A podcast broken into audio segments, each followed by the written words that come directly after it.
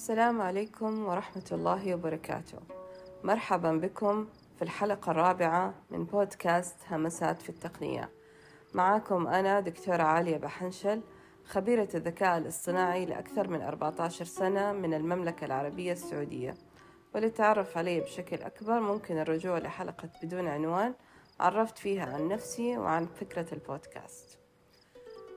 موضوع حلقتنا اليوم حيكون عن آه، محاولة الجواب على سؤال الحلقة هل الكساد الاقتصادي العالمي نقمة أم نعمة تقنية؟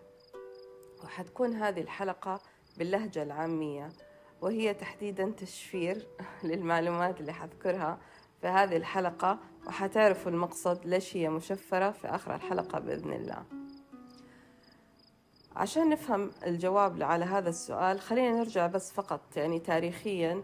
آه، في الجزيرة العربية بطبيعتها كانت فيها القبائل العربية. تنتقل من منطقة لأخرى آه، بحثا أنه يكون فيها مثلا آه، عن الماء عن الماء عن يعني الاحتياجات الأساسية والموارد الأساسية للإنسان. فإذا طبيعة الإنسان البشرية وتحديدا إحنا عندنا في الجزيرة العربية كانوا ينتقلوا من منطقة ثانية بحثا عن إيش عن الموارد؟ وهذا أصلا في طبيعة التاريخ كلها. وكان في مثلا رواية برضو كان اسمها مئة عام من العزلة وهي حاصلة على جائزة نوبل. كانت نفس الشيء هي يعني مدينة كاملة بدأت من مجموعة صغيرة انتقلت من منطقة لثانية آه، واستمرت لأجيال كثيرة وقصص متتالية كلها بسبب إنه إيش؟ إنه البحث برضو عن إيش؟ الموارد الأساسية. وطبعا سبب الانتقال عادة يكون إيش؟ إنه المنطقة اللي أنت يكون موجودة فيها هذه المجموعة قلت الموارد فيها فإيش؟ اضطروا إيش؟ إنها ينتقلوا إلى منطقة ثانية. فإيش هذه سنة الحياة؟ والتغيير هو سنة الحياة. والآن إحنا بنشوف آه، يعني في العالم كله اللي هو الكساد الاقتصادي اللي حاصل تحديدا بعد جائحة كورونا والحروب اللي حصلت. وكمان عندنا زي حادثة انهيار البنك السيليكون فالي في أمريكا. كل هذه الأسباب أدت إيش؟ إنه التقنيات بدأت تهاجر حتى هي. يعني التقنيات الناشئة الذكاء الاصطناعي وكل التقنيات الناشئة الثانية بدأت تهاجر لإيش؟ للمناطق اللي تكون فيها الموارد بشكل أكبر. ومن فضل الله ومن رحمته أنه الحمد لله المملكة العربية السعودية هي من أقوى الدول اقتصاديا يعني على مستوى العالم. وبنشهد فيها ما شاء الله تبارك الله كل التطورات اللي حصلت والإنجازات اللي حصلت وإنه حتكون بإذن الله آه، في عام عشرين ثلاثين آه، حيتم فيها معرض إكسبو تم الإعلان عنها. وأيضا الحمد لله عام عشرين أربعة وعشرين وكل عام وأنتم بخير عام الإبل بإذن الله عام خير. وهو جميل جدا هذا الرمز إنه كيف فعلا يوضح إحنا كيف عروبتنا وأصالتنا في هذا الموضوع.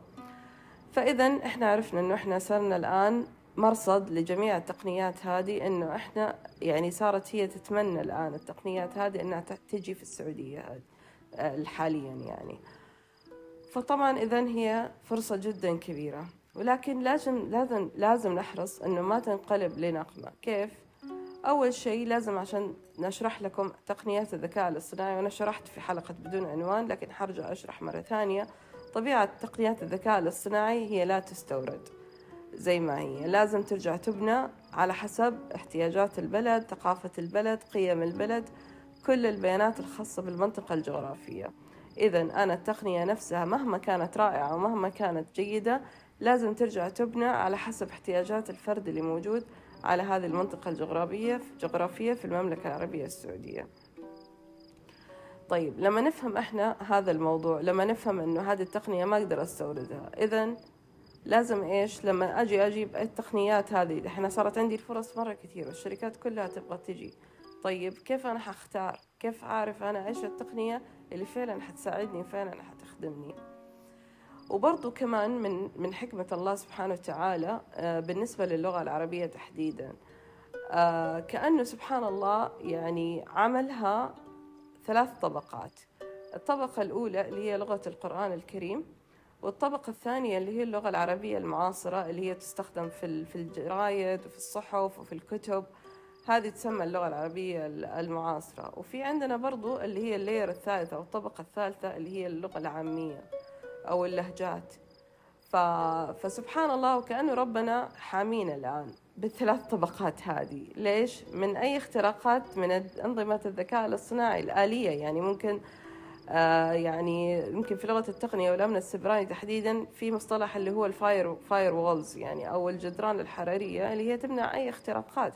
فسبحان الله كأنها اللغة العربية الآن يعني رب ضارة نافعة. صارت أنها كأنها حماية إلهية. من أي اختراقات ممكن تحصل من من الذكاء الاصطناعي. آه، لأنها يعني زي ما أنتم شايفين أنها قاعدة تصير فيها deep fake وصار فيها generative ال AI أو التوليدي. فيعني ممكن تسبب مشاكل كثير يعني إذا ما استخدمت بشكل صحيح.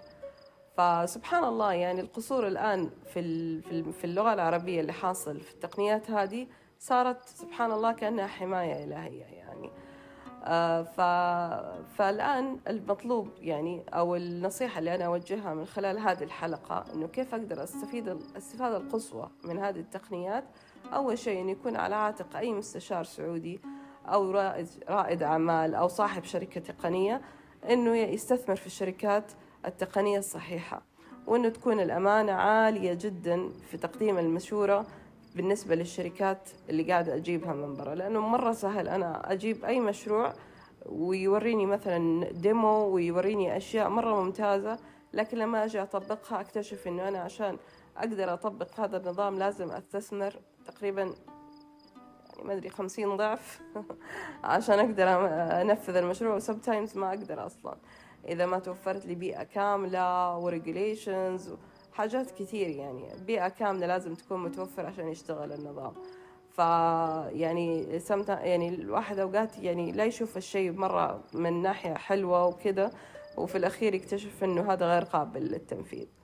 فأنا بس هذا اللي حبيت أبينه في هذه الحلقة إنه نت يعني زي ما يقول نتأنى ونكون نقدم المشورة الصحيحة في مكانها الصحيح في تقييم التقنيات الصحيحة اللي فعلا تخدم احتياجاتنا إحنا كسعوديين وتناسب ثقافتنا وبيئتنا وتكون قابلة أصلا للتنفيذ.